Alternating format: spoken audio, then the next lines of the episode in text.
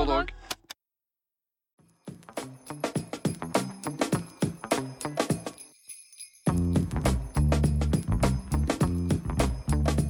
Humor er vanskelig. Det vet alle som har slått an feil vits til feil sted og blitt liksom møtt av dørgende stillhet eller noen skarpe blikk. Og ekstra vanskelig må det jo være når man ikke har noen som helst visuelle hjelpemidler. Altså I film kan man alltid smøre på med litt musikk, man kan klippe bort akkurat der det er morsomst å klippe bort for komisk effekt, men i litteraturen så må man kanskje stole litt mer på leserens fantasi. Er det da derfor samtidslitteratur har fått kritikk for å være for alvorlig og trist? Så nordmenn er jo kanskje kjent for å skrive litt sånn dystre, mørke bøker av sigarettrøykende, gråhåra, langhåra, ingen eh, navn nevnt, altså forfattere. Litt sånn dystert Nordic noir, mye regn, mye mørke. Kan ikke vi nordmenn også være litt sånn morsomme, vi òg? Og litteraturen generelt, er det plass til å le litt, eller skal alt være så jævlig alvorlig? Det skal dagens gjest og jeg snakke litt om i dag. Eh, Og Hasse Hope han har tatt med seg boka 'Dette forandrer alt' av Bjarte Arneson. Den er veldig morsom. Ja, Vi skal i hvert fall snakke om den, og vi skal snakke om andre bøker, både av Bjarte Arneson og andre forfattere, som er morsomme. Hva er det som gjør litteratur morsomt? Hva er det som eh, gjør litteratur kanskje litt grått og kjedelig noen ganger? Ja, dette og mye mer skal Hasse og jeg snakke om i dagens episode av Boka er bedre. Mitt navn er Andreas Sveier Osvold. Boka er bedre. bedre, bedre. Hasse Hope er en programleder og komiker som er kjent fra programmer som ja, Dagsmann, Karl Johan, Dustene, 24-stjerners julekalender, Nærlandslaget etc. etc. Oh, mange, mange, mange. I 2019 så slapp Hasse sin første bok, Kompis, eller Kompis, jeg må høre om det, hvilken uttale det blir. Eh, Den er satt til 2057 og handler om en fyr, Leo, som skal prøve å lære en robot å bli kul, for kulhet kan ikke programmeres. VG kalte Kompis for annet en smart og satirisk ungdomsroman om teknologiutvikling, politikk og følelser. Han sitter her i studio med meg med Urge uten sukker. Velkommen, Hasse Hope! Ja! ja! Du, det var fint, den siste der. At du drar det inn i, i eh, det som skjer rundt oss, Ja, og det som er her. Veldig godt eh, litterært grep. Det er et øye for detaljer. Ja, det har du, min gode mann. Nei, men det, Alt er sant, det du sier. Det er ingenting som er feil. Uh... 2019, Kompis. Er det Kompis, Kompis? Hva ville du det er 2018. Det er Det, står, det var til og med det du sa. Sa jeg 2018? Jeg tror du, Står- jeg, skrev sjekke manuset ditt? Står det 2018? se. Jeg må bare, vi, dette er, alt dette her er scripta, så jeg må bare Ja, bla ganske ja. langt tilbake. Hasse sier 'sjekk manus'. Skal vi se. 2019 er jeg. Det er jo Ok. Nei, men skylder på AI eller et eller annet. Skyld på AI. Du har sikkert bare eh, spurt uh, Snapchat sin Ja. AI-bot. Det, det, det gjør jeg hele tiden. Så. Ja. Nei, men du, ja, det stemmer at Kompis den ga jeg ut i 2018. mm. Og det er, er en ungdomsbok. Mhm. Eh, For barn, men også med noe attåt for de voksne. Ja, for det er jo satiriske elementer i den boka som også er liksom ganske gøy for Hva er det høyskolen heter for noe i boka? Den heter Litago Tropical High. Ja. Um, og fordi altså, i 2057 så har uh, samfunnet blitt enda mer amerikanisert. Ja. Uh, og man da man heter, heter high school, ikke videregående. Og Mhm. så er de sponset da av Litago, som har en smak som heter tropical. Så da Ja, det, det er jo veldig i tiden da, det ble, da boka ble skrevet òg, tenker jeg. For det var vel rundt da Oslo Met og altså Det var litt sånn Begynte å bli ganske Ja, det tror jeg var året før, så Ja. det var veldig i, i tiden. Ja. And it was a time when Mr. Trump was in the He's here! Ja, ja, han er Mr. Trump, have you read the book? Yeah, it's a great book, it's the worst book. Selveste presidenten, eller ekspresidenten, Ja. på min podkast. Utrolig! Eh, Hasse, eh, vi skal snakke om en bok som er eh, ekstremt morsom. og ja, altså Kan du ikke fortelle litt om 'Dette forandrer alt'? Som er en, først og fremst en tittel som høres for oss, høres ut som en sånn veldig sånn alvorlig bok. Mm. 'Dette forandrer alt' høres litt ut som en bok om sånn nå er vi på vei til helvete med klima, eller et eller annet. Mm.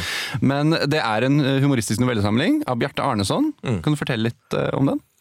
Ja, altså dette er en bok som, som Bjarte ga, ga ut i 2010, og eh, han er en fyr som eh, har Altså Det er Myrmannen hans, og før dette så skrev, har han skrevet mye for TV og for scene og, og reklame og, og sånne ting. Men ikke minst så har, var han veldig aktiv på Twitter, og var en av de absolutt morsomste som hadde, hadde det høyeste toppnivået av alle, føler jeg.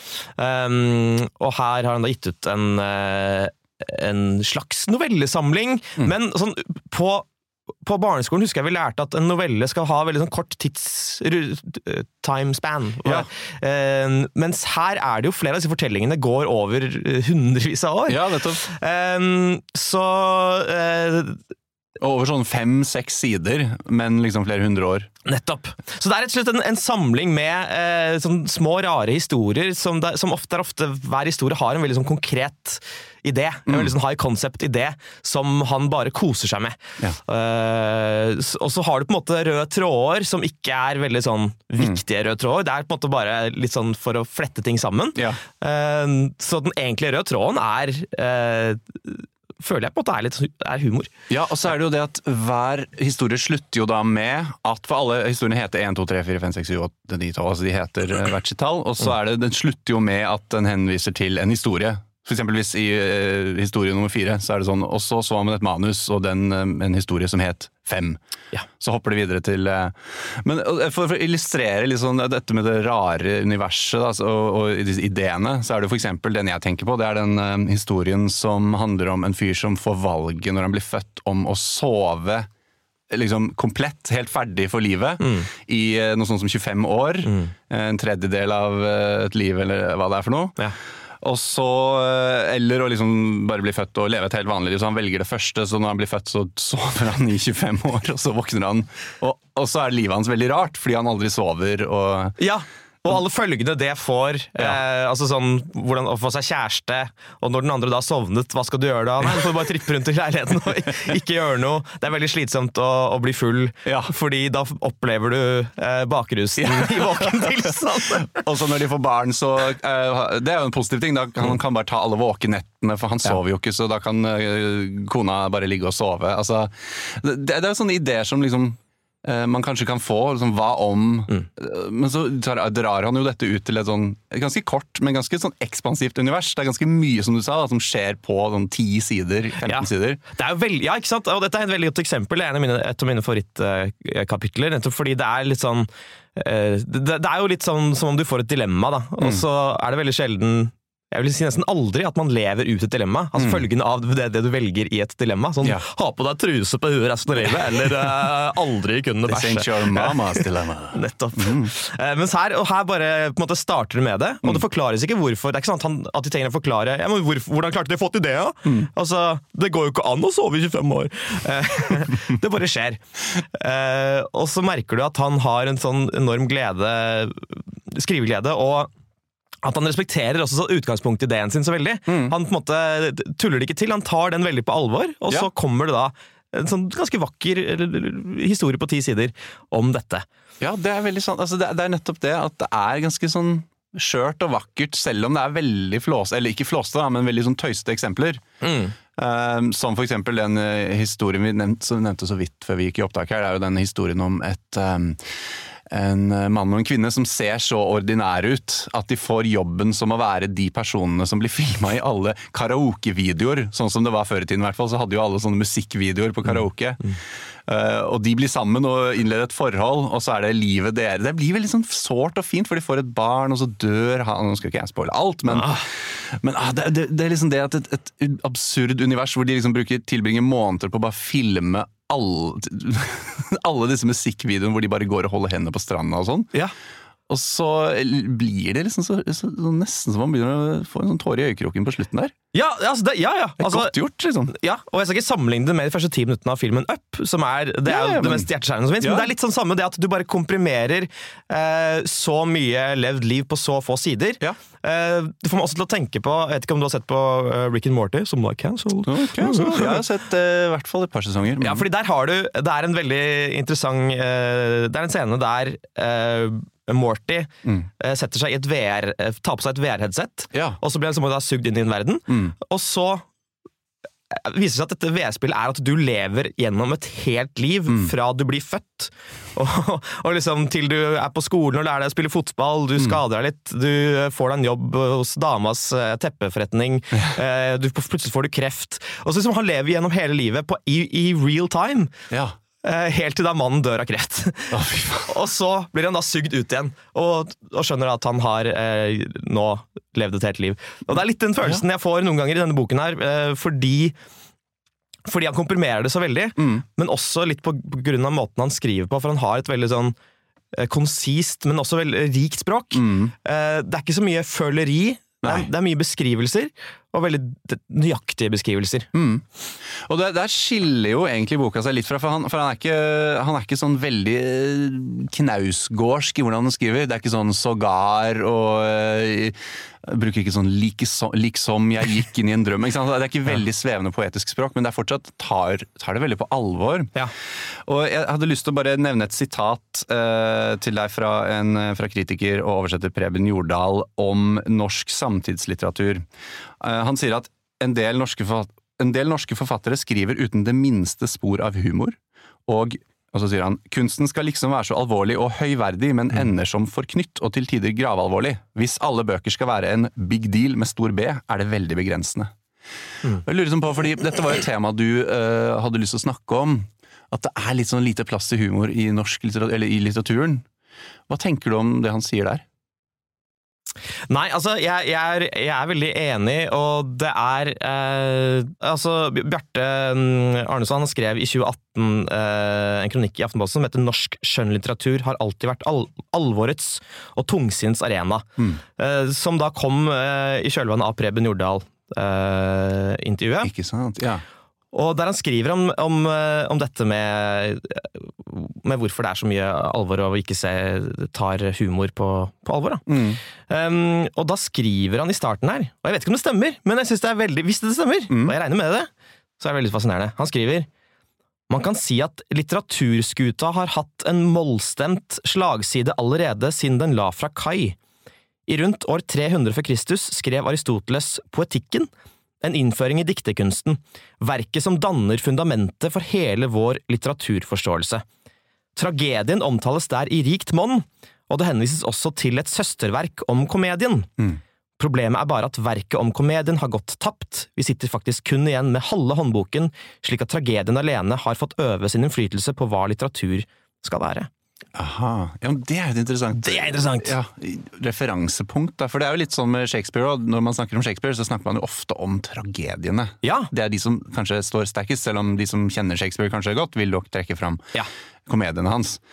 Men det er noe i det, da. At liksom allerede der Ja. så er liksom utgangspunktet helt ødelagt for humoren. Ja, jeg tror det. Fordi altså, Aristoteles eh, Det er vel ingen person som har hatt så mye innflytelse på eh, bare hele verdenssamfunnet. Altså bare med tanke på filosofi og eh, forskning og, og alt det der. Mm.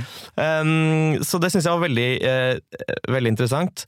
Um, og han har også et godt poeng i denne mm, kronikken om eh, han, han skriver da, han skriver I norsk litteratur står stadig paraplyscenen fra sjenanse og verdighet som det absolutt ypperste innen komikk. Mm.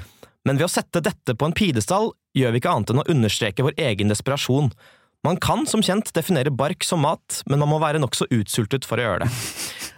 Og Poenget her er jo at, eh, at det handler om en kontekst her. At eh, i en veldig veldig alvorlig bok, hvis det plutselig skjer en sånn litt rar ting, så er det eh, altså, veldig, veldig gøy. Ja, det står liksom veldig tydelig ut. Ja, Mm. Som han skriver selv, altså det, er, det er som å liksom hikke i en begravelse. Altså det, er sånn, det er ikke noe gøy i seg selv, men fordi det skjer i en begravelse, så blir det på en måte gøy. da.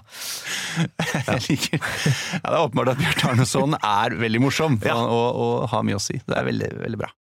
Bøker, i motsetning til eksempel eh, film og musikk, så er det veldig sånn, i hvert fall i Norge, da, veldig sånn satt at eh, man skal ikke skrive humorbøker, men du kan skrive bøker som har litt humor i seg. Mm. Eller bøker som er litt sånn quirky. Altså sånn Erlend Loe-aktig, naivistisk. Ikke sant, eh, ikke ja. Som, som, man vil ikke nødvendigvis si at at han skriver humorbøker, men han skriver bøker som får deg til å liksom heve på Nå, Mm. nå tar jeg og drar Du drar, Hasse drar ene kinnet opp. for å vise at jeg smiler, eller Ja. sånn, ja, sånn skeivt smil. da.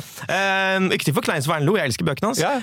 Um, men, eller at det på en måte, hvis ikke det er det, så er det eventuelt eh, satire. Mm. Uh, som jo er en sånn litt sånn høyverdig form for humor, men sånn ren, uh, absurd, rar humor i bøker Mm. er liksom ikke så veldig eh, høyt anerkjent, føler jeg. Mm, nei, jeg er enig. Det, er jo mye av det som har blitt snakket om eh, av, i, altså i den debatten der. At liksom det er veldig mange av de bøkene som vinner priser og får mye anerkjennelse. Altså jeg tenker på eh, forfatterne som på en måte blir sett på som de store, store, store i utlandet også nå, fra Norge. da. Det er jo også Vigdis Hjorth og Jon Fosse og Knausgård. De er jo ikke kjent for å være morsomme, selv om de kan være morsomme, som du sier. da, At det kan være snev av humor der. Men hvorfor, altså, hvorfor kan ikke Norge være et land som liksom fostrer opp de, de, de morsomme Vi har veldig mange morsomme komikere, deg selv inkludert. Og hvorfor kan det ikke være et land som på en måte har masse morsomme forfattere? Hva er greia med, med det? Nei, altså jeg lurer bare på om det er litt sånn det har blitt. Det er litt, litt sånn som øh, debatten om øh, om kvinnelige komikere, da. Og kv- kvinner og humor. Mm. Uh, der jeg tror noe av grunnen til at det er færre kvinnelige komikere, Mm. og at noen idioter sier at kvinner er, er mindre morsomme enn menn, øh, det er fordi øh, fordi det har vært færre kvinnelige komikere, så har kvinner, når de vokser opp, færre forbilder eh, som gjør at de får lyst til å bli en del av eh, Humor-Norge. da. Ja. Og at hvis man da kan gjøre en jobb der, og eh, sånn at grasrota har noen å se opp til, Ja. så, så vil man da kunne få eh, flere kvinnelige komikere. Og på samme måte så er, er det jo litt sånn at når vi leser bøker på barneskolen, ungdomsskolen, videregående, så er det jo ofte liksom gravalvorlige bøker vi leser. Ja. Uh, pluss Harry Potter, liksom. ja. Uh, Harry Potter er ikke morsomt. Jeg kan ikke huske å ha ledd, Nei. selv om Ron er veldig vimsete. Å, han er veldig Han er vimsete. Og ganske rar. Og ganske rar. Uh, så er det jo ikke morsomt. Så ja. Og jeg tror også at det er litt sånn at hvis man etter hvert begynner å tenke at kanskje humor skulle være mitt eh, Skal jeg satse på humoren? Mm. Så er det fortere at man ender opp med å bli standup-komiker, eller øh, kanskje prøver å bli TV-komiker, Mm. eller noe annet. da, og at Ja, fordi hvis du, hvis du har øh, en Altså hvis du Tekst er, Det er ikke nødvendigvis det som liksom lyser liksom Her er det masse humormuligheter, fordi når du skriver til TV og film, da, sier, så, så kan du alltid lene deg på at noen er veldig morsomme med, med mimikk, eller ja, altså. Men hva få Hva får deg til å le når du leser? Altså, hva, hva slags type humor Vanskelig å svare på, kanskje, men hvordan, hva, hva, er det, hva er det som får deg til å le når du leser? det er, veldig, det er vanskelig å si noe konkret der, men det er jo på en måte skal si, altså, Jeg ler veldig sjelden av ting jeg ser og leser. Mm. Ikke fordi jeg har så sinnssykt god smak og bare Det er ikke det. Eh, men fordi jeg jobber med humor, så er det liksom humor rundt meg hele tiden. Ja. Og da blir man jo på en måte litt sånn blasert. Mm. Eh, men så lenge jeg kan bli overrasket av en setning, eh, så kan jeg plutselig bare le, eh, og så tar det meg litt på senga. Sånn, oi shit, det var Mm. gøy. Den vrien der så jeg ikke komme. med. Men det er, litt sånn, er det litt sånn i den boka her, liksom? Det er akkurat sånn det er i denne boka her. At uh, han tar meg med på en eller annen reise, og så plutselig så beskriver han et eller annet. Mm. Uh, for eksempel dette kapitlet, eller denne historien som handler da om uh, Det handler om eh, asjettenes eh, hierarki. Ja! Eh, altså det handler rett og slett om at eh, når man har asjetter i skapet på, på et kjøkken, så er det ofte sånn at man bruker de øverste veldig mye, så de blir ganske slitt etter hvert. Mm. Eh, men det er veldig sjelden at man bruker alle, så de som, de som da er helt nederst, de forblir veldig eh, De forblir på en måte helt nye, da. Ja, de er ikke, Du bruker ikke de så mye, liksom? Hvis Nei. du kan, I hvert fall hvis du bor alene og ja, ikke Nettopp. spiser så mye, liksom. Ja, kan, kan jeg lese bare litt fra akkurat det kapitlet? Ja, gjør det. Ok, så her har du altså da dette, eh, denne historien, og det er da en fyr som har valgt å snu opp ned på alle asjettene, sånn at de som ikke har blitt brukt før, de som har ligget nederst, nå ligger øverst. Han syns synd på dem, liksom. Syns synd på dem. Ja. Lite ante M Ok, jeg skal bare først Han heter M, det må også sies. Mm. Hovedpersonen heter M. Lite ante M at han nå hadde forbrutt seg mot tallerkenenes interne hierarkiske, hierarkiske struktur. Helt siden menneskene begynte å bruke dekketøy, har tallerkener, kopper og glass inngått i et lite samfunn som utgjøres av alt bestikk og servise innen en husholdning. Alle bestanddelene har vært fullt ut innforstått med at de kan havne i skap og situasjoner der belastningen på enkeltdeler vil variere sterkt. Husholdningsstørrelse, oppvaskhyppighet og mengden servise er alle faktorer som påvirker dette, og det er noe alle tallerkener stilltiende aksepterer. Noen tallerkener må ut og i tjeneste, stadig vekk, og opplever dermed økt slitasje. Samtidig løper de en større risiko for å bli knust, ettersom denne naturligvis øker i takt med bruksfrekvensen. Ikke slik å forstå at tallerkenene som blir lite brukt, ser ned på de som hyppig tas inn og ut av skapet. Alle anses som fullverdige medlemmer av tallerkenkollektivet, selv om arbeidsbelastningen varierer sterkt. Imidlertid er det slik at omveltninger i denne strukturen er underlagt streng regulering og bare kan skje ved et fåtall anledninger, herunder når dekketøyets eier første gang plasserer servise i et skap, og hvis eieren senere skifter bopel. Denne situasjonen kalles blant tallerkenene henador, som direkte oversatt betyr forflytning, og som både peker på den fysiske forflytningen i en flytteprosess, samt mulighetene for å bevege seg opp eller nedover i hierarkiet når tallerkenene skal staples på nytt i et annet skap. Så altså, i, Bare idet jeg leser den setningen, at denne situasjonen kalles blant tallerkenene henador, Ja, det er så dust og Ja. så gøy. og Og så er det, det er, her er det et, et eksempel på at det er vanskelig å få til det her visuelt. I hvert fall når han begynner å snakke for han begynner jo senere å, å, å snakke om hva tallerkenene liksom eh, De får jo sånn de, Det blir jo helt opprør. De Ja. knuser seg selv, da, kort fortalt, fordi de ikke klarer å deale med at nå er hierarkiet snudd opp ned. Ja. Nå, nå har han ødelagt alt. Da blir det sånn, en sånn skamfølelse hvor de tallerkenene som nå blir brukt masse, føler seg ikke Jeg vet ikke om de føler seg opp for anledningen, eller hva det er. Men Ja. så dette er jo noe som perfekt er, passer på en bok, for det, ikke, det ville kanskje sett litt liksom teit ut på TV. jeg vet ikke. Ja, det, det kan godt hende. Altså, dette er jo en form for absurdistisk eh, litteratur. litteratur. Um, og ja, det, det, er, det litt som Jeg vet ikke om du har sett et uh, sketsjeprogram som heter I Think You Should Leave? Uh, ja, jeg elsker I Think You Should Fa Live. fantastisk. Ja. Det er et sketsjeprogram på, på Netflix uh, som er noe så rart som et veldig veldig rart sketsjeprogram, der uh, du ofte har et premiss i starten. Og så bare kommer det en twist, og så tar den oss et helt annet sted som du aldri så komme. Ja. Og det føler jeg veldig ofte skjer i disse historiene. At eh, det virker som at Jeg vet ikke akkurat hva skriveprosessen til Bjarte her var, men at han har sittet og skrevet, og så plutselig så, så skriver han noe han syns er gøy. Og så tenker jeg nei, men hva hvis jeg bare tar denne veien nå? Ja, det er gøy. Vi drar dit. Henador. Ja, de skal begå selvmord, alle disse tallerkenene. Altså, det er jo nettopp det at det tas liksom ut fra en nesten sånn derre en tanke, en fantasi man kan stå og ha mens man står og ser på tallerkenene, og så bare Ok, hva om jeg bare lager et helt univers nå? Nei, det er, det, er, det er en god sammenligning med I Think You Should Leave. Altså, hvis man har sett det programmet, så kan man sammenligne dette her ganske For det er på en måte sånne veldig spesifikke situasjoner, sånne kleine situasjoner, eh, som bare da, tas ut til det ugjenkjennelige Altså, det bare dra, blåses opp, forstørres, til det på en måte eksploderer, da. Ja.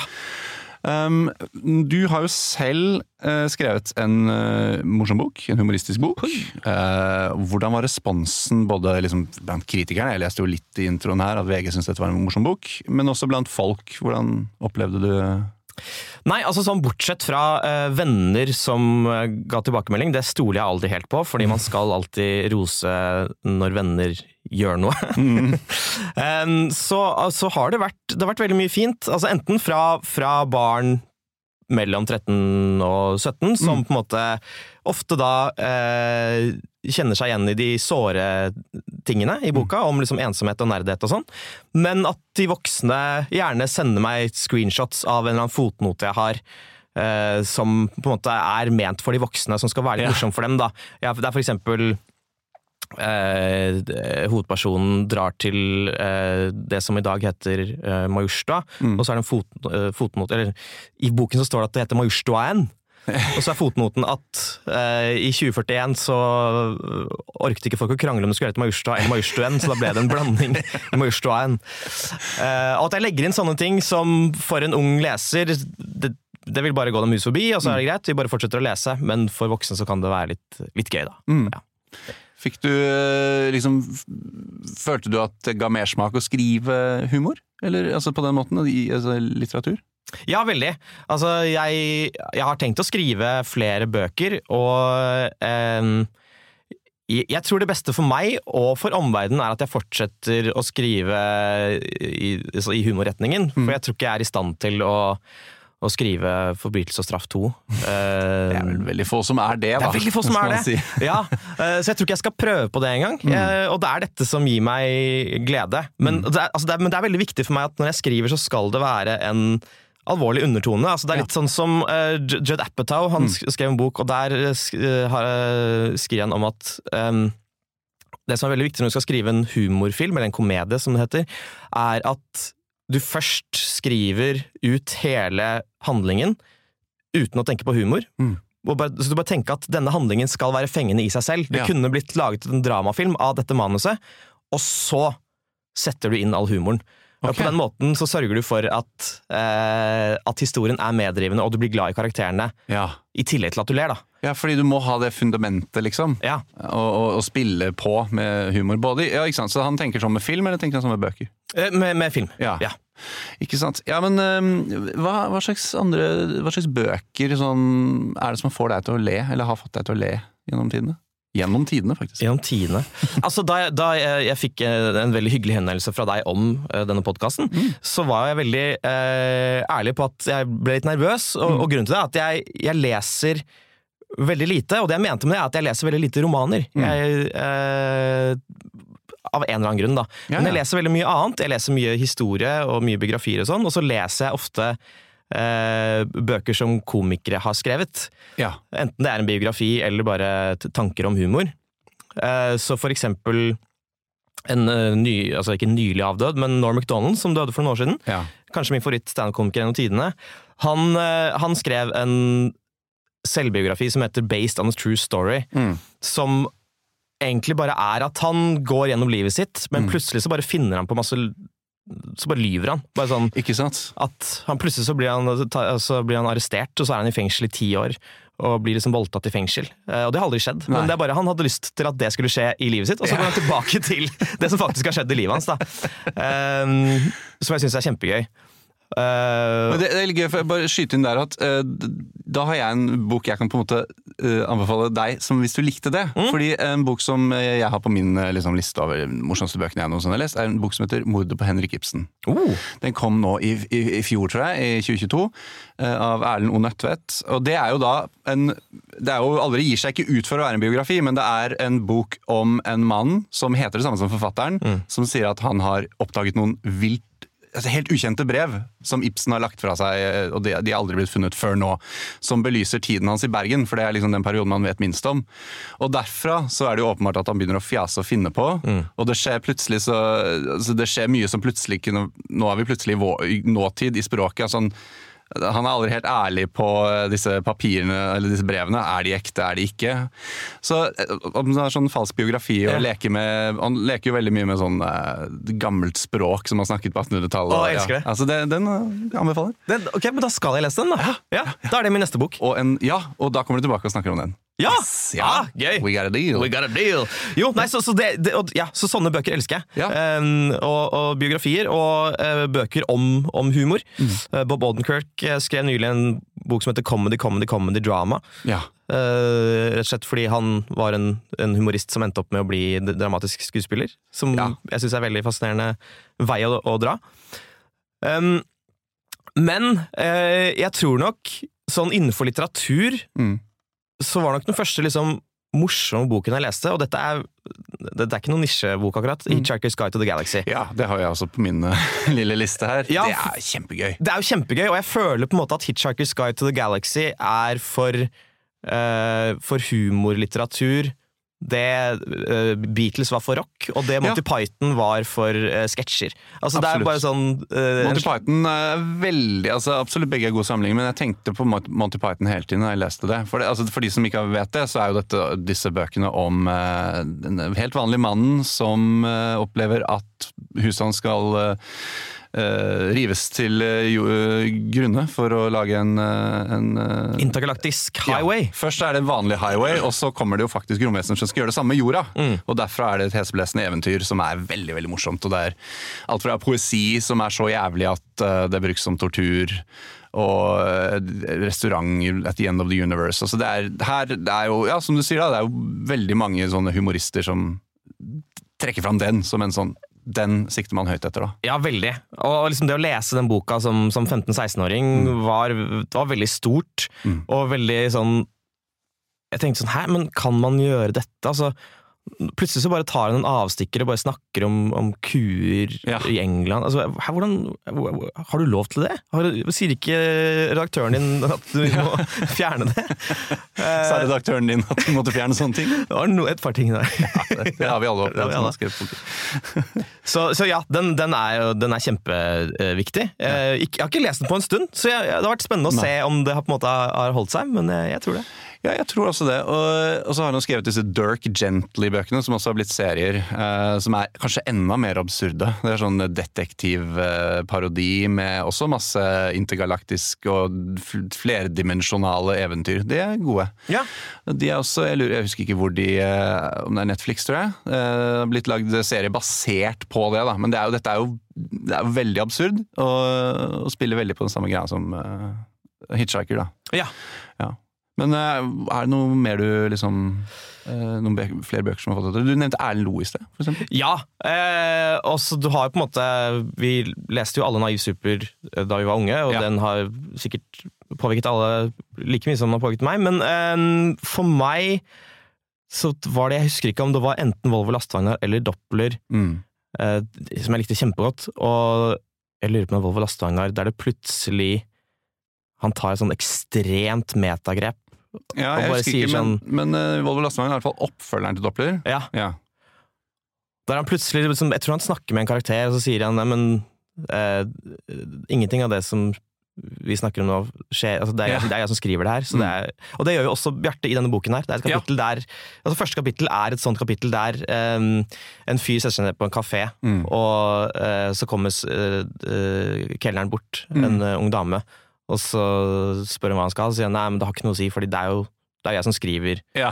Det, og så altså- blir hun bevisst på at han skriver, og så syns hun det er ubehagelig. Hun blir bevisst på at ja, hun er bare en oppfinnelse i hans eh, sinn, og så eh, trygler hun han om å la henne få et godt liv videre. Og det gir han jo Og det, og det henne, får da. Ja.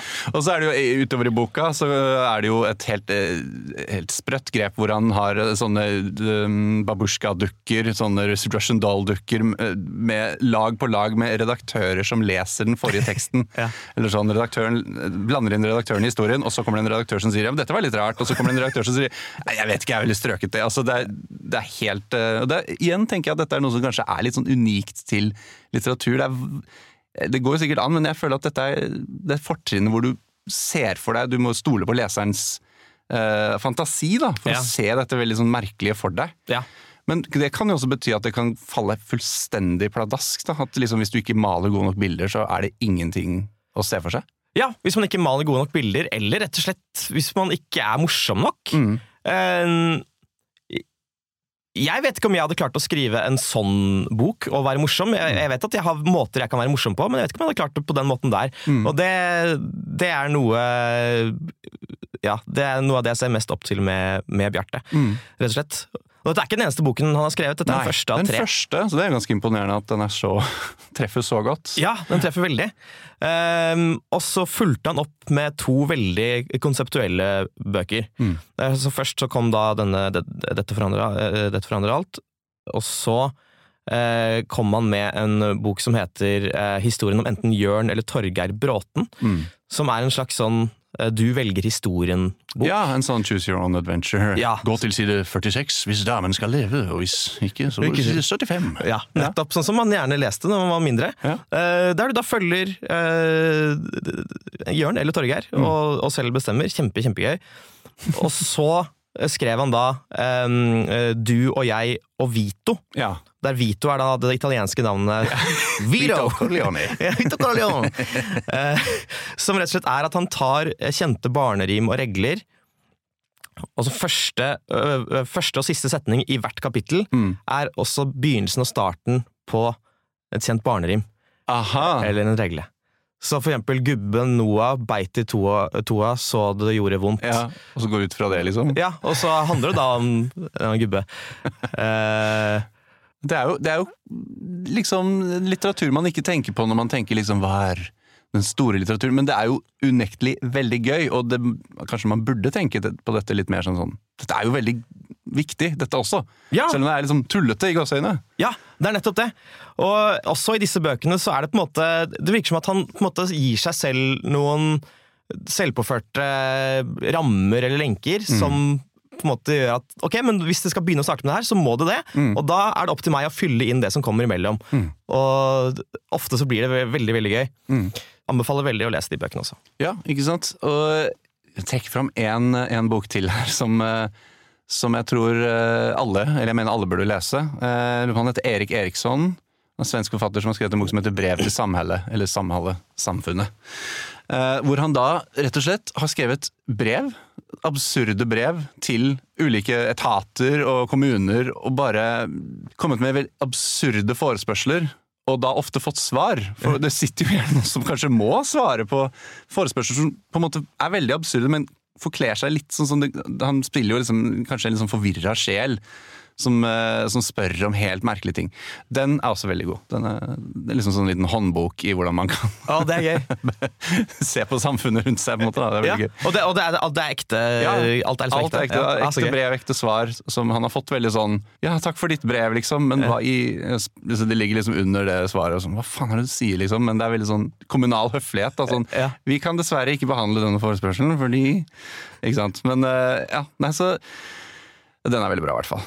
Og så lurer jeg på, Hasse, er denne boka nå har vi vært litt inne på det, men er det på en måte når du først leser fiksjon, da, eh, er dette typisk for det du leser, eller går det, går det mest i humor, eller går det mest i liksom Dostojevskij Å, Han er jo morsom, han òg, da, men Han er kjempemorsom. Han var en av de morsomste i sin tid. Mm. Dostojevskij. Um, det gjør det, og altså, noe av grunnen til det er at eh, jeg leser som jeg sa jeg leser veldig veldig mye historie. Mm. Mye sånn krigshistorie. Eh, sånn biografier om Stalin og Hitler og Pol Pot og sånn. ja, Eh, og det er ofte veldig veldig deprimerende ting. Det er ikke nødvendigvis så morsomt. Nei, Eh, men jeg syns det er uendelig fascinerende, og jeg klarer ikke å slutte å lese om det. Jeg hører podkaster om det, så jeg omgir meg selv med veldig, veldig kjipe eh, mentale bilder. Så når jeg da først skal lese noe eh, skjønnlitterært, så blir det fort at jeg går til det litt mer lettbeinte, eh, eller absurde, da. Ja. Men eh, hva, er det noe du liksom Hva leste du sist, eller hva leser du nå, eventuelt? Nå har jeg nettopp eh, begynt på en, eh, en bok av Vegard Tryggeseid. Ja, den Som heter 'Historien om Norge år 10 000 før Kristus til 2019'. De vanskelige årene. Den boka er også kanskje en av de morsomste jeg har lest. Det- ja. altså, vi, altså, Vegard, hvis man er om bord på Vegards lille skip fra før, så er dette boka man bare må lese. Det er det. Og dette er jo litt altså, Det er falsk historie, rett og slett. Det er falsk historie. Um og altså, hvis, måte, hvis, man, altså, hvis man skal kalle Bjarte Arnesons bøker for absurde, så vet jeg ikke altså, hva som man kaller det her. For dette er på en måte bare han, Ikke bare er det veldig absurde historier, men han dekonstruerer språket også. Det er liksom bare Ja.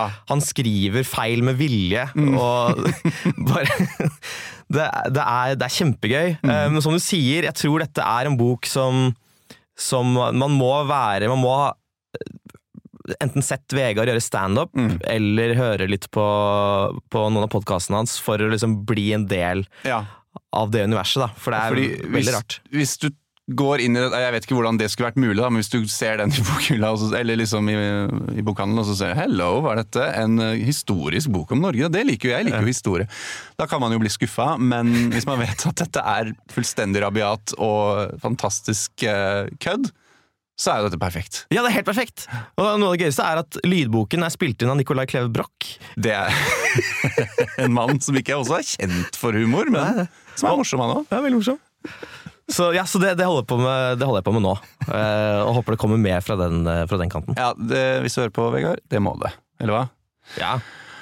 Um, denne boka, hvis noen kommer til deg og sier liksom 'Hasse, gi meg en bok, ellers så dør alle sammen'. Oi, ja, den er Jeg vet ikke hvorfor de gjør det, men uh, Hasse, har du en bokanbefaling til meg? Mm. Eh, og så ser du på personen, og så hvem, hvem, er du, hvem er denne personen du anbefaler Bjarte Arnesons 'Dette forandrer alt' til? Ja, altså eh, det, det, det kunne vært fort, fort gjort av meg å bare svare folk som er sånn som meg. Altså folk eh, som også liker å kødde, og som er litt ironiske og, og alt det der. Men eh, for min del så har det de siste ti årene, siden jeg leste den Jeg, leste den, jeg var på bokslippet. Ah, så har jeg ofte anbefalt den til folk som leser veldig veldig mye seriøs litteratur. Nett, rett og slett bare for å vise at eh, dette også eh, går an. ja, dette er mulig. Dette er mulig. Em, fordi jeg har et ønske, og det vet jeg også Bjarte har, at nei, er bare at man, at man skal få mer respekt for eh, denne typen litteratur. Mm. Og responsen er alltid at folk uh, syns det er kjempesjarmerende. Ja. Uh, ingen har blitt sinte på meg Nei, etter, er at- etter jeg har anbefalt den. Nei. Det ville vært veldig rart hvis Ja. de ble det, men hvem vet aldri. Ja, selv, og bare, så det er sagt, Hvis det er noen som lytter som tenker sånn Ja, men jeg er ikke helt sånn inni den absurd humorbobla og, og alt det der. Det er ikke, det er ikke Altså, boka forteller ordentlige historier. Mm. Ja. Det absurde ligger i, ofte i liksom utgangspunktideen, Mm. og så tas det veldig på alvor, da. Ehm, for eksempel, og, og ofte så er disse ideene jeg føler ofte at det kunne enten vært en standup-vits Ja. som man har utbrodert, eller bare et, et veldig godt poeng rundt et middagsbord. Mm. For eksempel og det kan godt hende at det er Bjarte som først kom uh, fram til uh, denne tanken her. Eh, det er en historie som handler om hvorfor vi føler at tiden går fortere Ja, desto eldre vi blir. Den er veldig fin. Kjempefin. Um, boka handler da om en sønn og en far, Mm. der sønnen en dag går bort til faren sin og sier du, jeg, jeg tror jeg endelig har skjønt det, hvorfor vi føler at tiden går fortere. Mm. Og det er fordi um, hvis du er uh, seks år gammel, uh, så vil jo da de årene du Altså ett år for deg er uh, 20% av livet ditt. Ja. Mens for en eh, eh, 90-åring så vil altså, ja, det er mattestykket mattestykke der som er eh, så, ja, så vil ett år være 1,9 altså, Ja. så, og, og, og på grunn av det så virker det som at tiden går eh, fortere og fortere. ja. Og det er da utgangspunktet. Det som er utgangspunktet, ja. ja. Og vi kan alle være med på den ideen der. Ja. Og så tar han det videre, og da eh, er det at faren får operert hjernen sin sånn at han bare husker de siste fem årene, og Mm. derfor får eh, opplever tid mye saktere. Ja.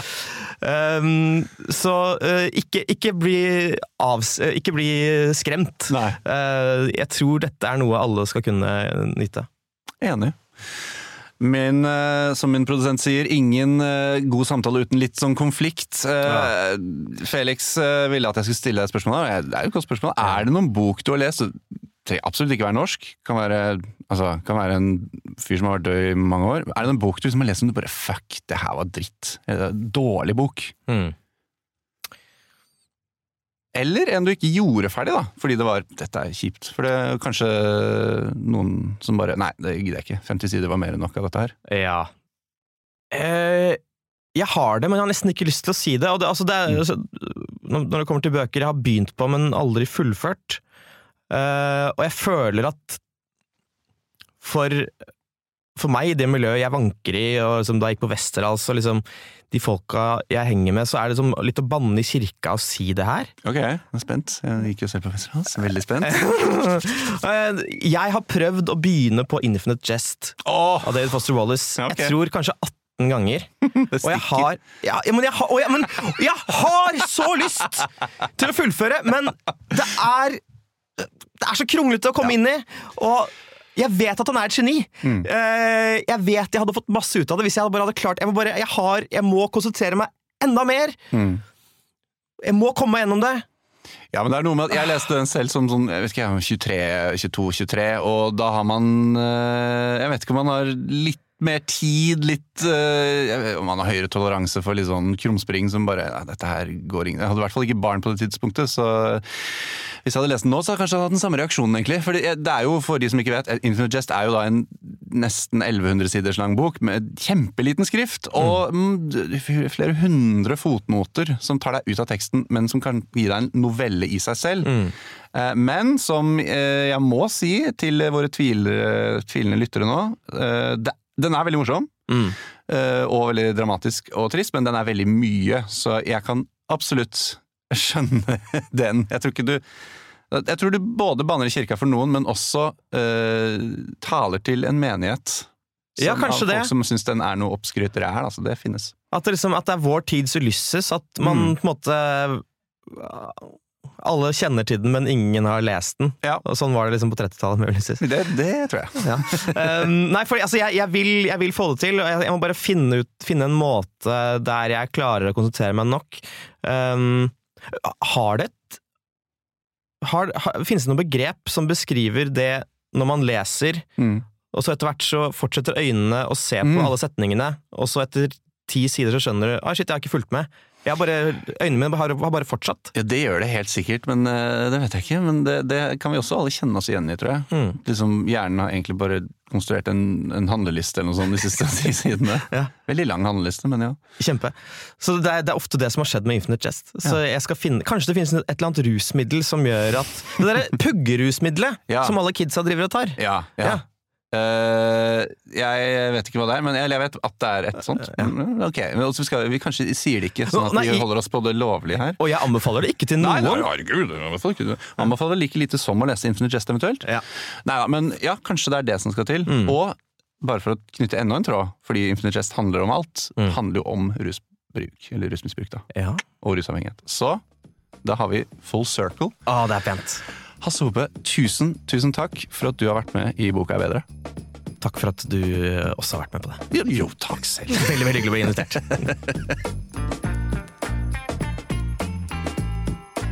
Du har hørt på Boka er bedre. Produsent har vært Felix Sullivan. Tekniker har vært Olav Nedberget. Boka er bedre er produsert av både og med Stian Lettesier. Og mitt navn er Andreas Weier Osvold.